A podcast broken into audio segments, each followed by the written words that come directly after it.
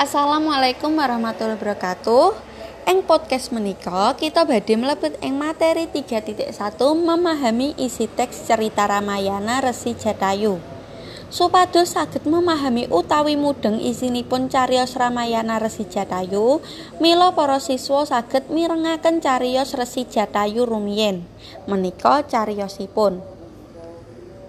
Resi Jatayu Rajaning peksi punika naminipun Jatayu.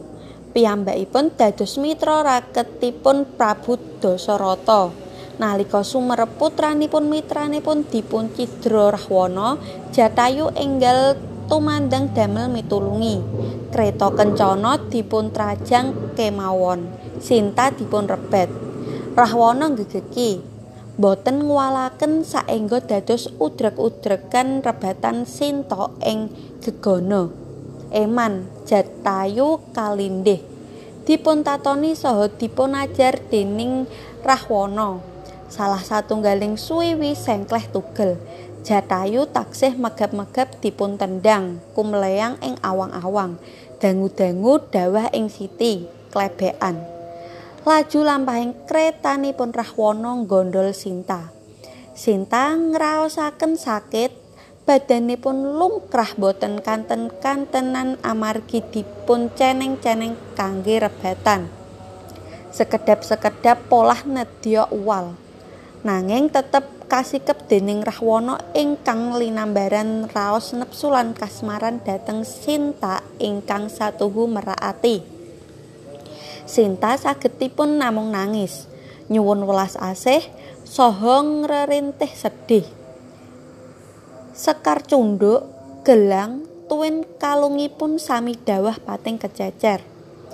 Sinten kemawon ingkang sumerep kawontenan saha polahipun menapa dene mireng tangis tuwin pasambetipun Sinta temtu tumut trenyuh lan sedih. Kewan-kewan wana, wit-witan, tetuwuhan lan rerumputan kemawon tumut welas asih. Redi-redi mendel bisu sisah. Angin boten lumampah. Angkasa timbreng ngelemeng ngameng kesaput merga mendung.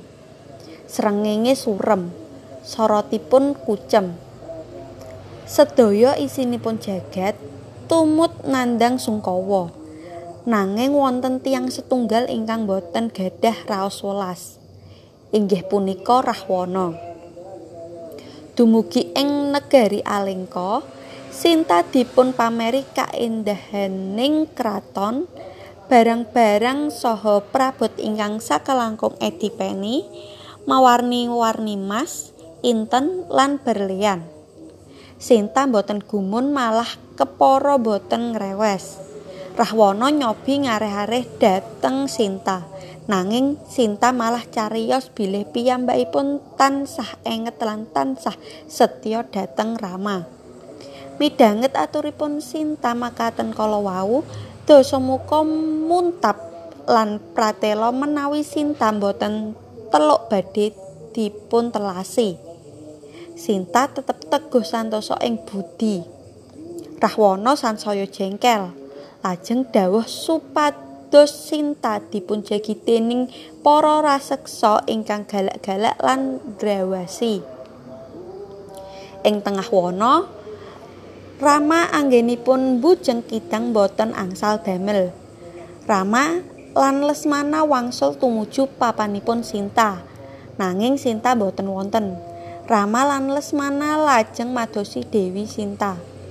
Ing tengahing margi Rama manggihaken sekar cunduk sarta saperangan panganggenipun Sinta pating kececer. Rama lajeng nginten menawi Sinta kadusta dening tiyang. Rama duka sanget mila jagat saisinipun badhe kajungkir walik. Nanging Lesmana enggal atur pangareh-areh saengga Rama lilih panggalihipun. Kekalihipun lajeng lajengaken lampah majosi Dewi Sinta. Ing satunggaling panggenan, Rama lan Lesmana kepanggih kalian Jatayu ingkang taksih menggih-menggih kados badhe koncatan nyawa. Sanajan mekaten kawontenanipun Jatayu taksih saged cariyos lan atur pitedah bilih Sinta kadusta dening Pandung lan kabekta tumuju dhateng nagari Alengka. Purna anggenipun matur, Jatayu dumugining pejah nalika raganipun dipun besmi dening Rama kelukeng latu kados asung pitedah ing pundi paneripun negari Alengka lan wonten swanten gaib ingkang suka pitedah caranipun saged kepanggih kalian Sinta Kala wau cariyos Ramayana mawi basa krama kados pundi para siswa? Sampun mudeng utawi mangertosi isinipun cariyos kala wau? Salajengipun sumangga para siswa saged mangsuli pitaken-pitaken niki. Nomor setunggal apa sesambungane Jatayu karo Prabu Dasarata nomor kalih apa maksude Rahwana nyolong Dewi Sinta Nomor 3, kepriye usahane Jatayu nulungi Sinta? Kasil apa ora? Sekawan, watak sing kepriye sing dituduhake Jatayu ing cerita kasebut? Gangsal, apa kang diaturake Jatayu nalika ketemu Rama?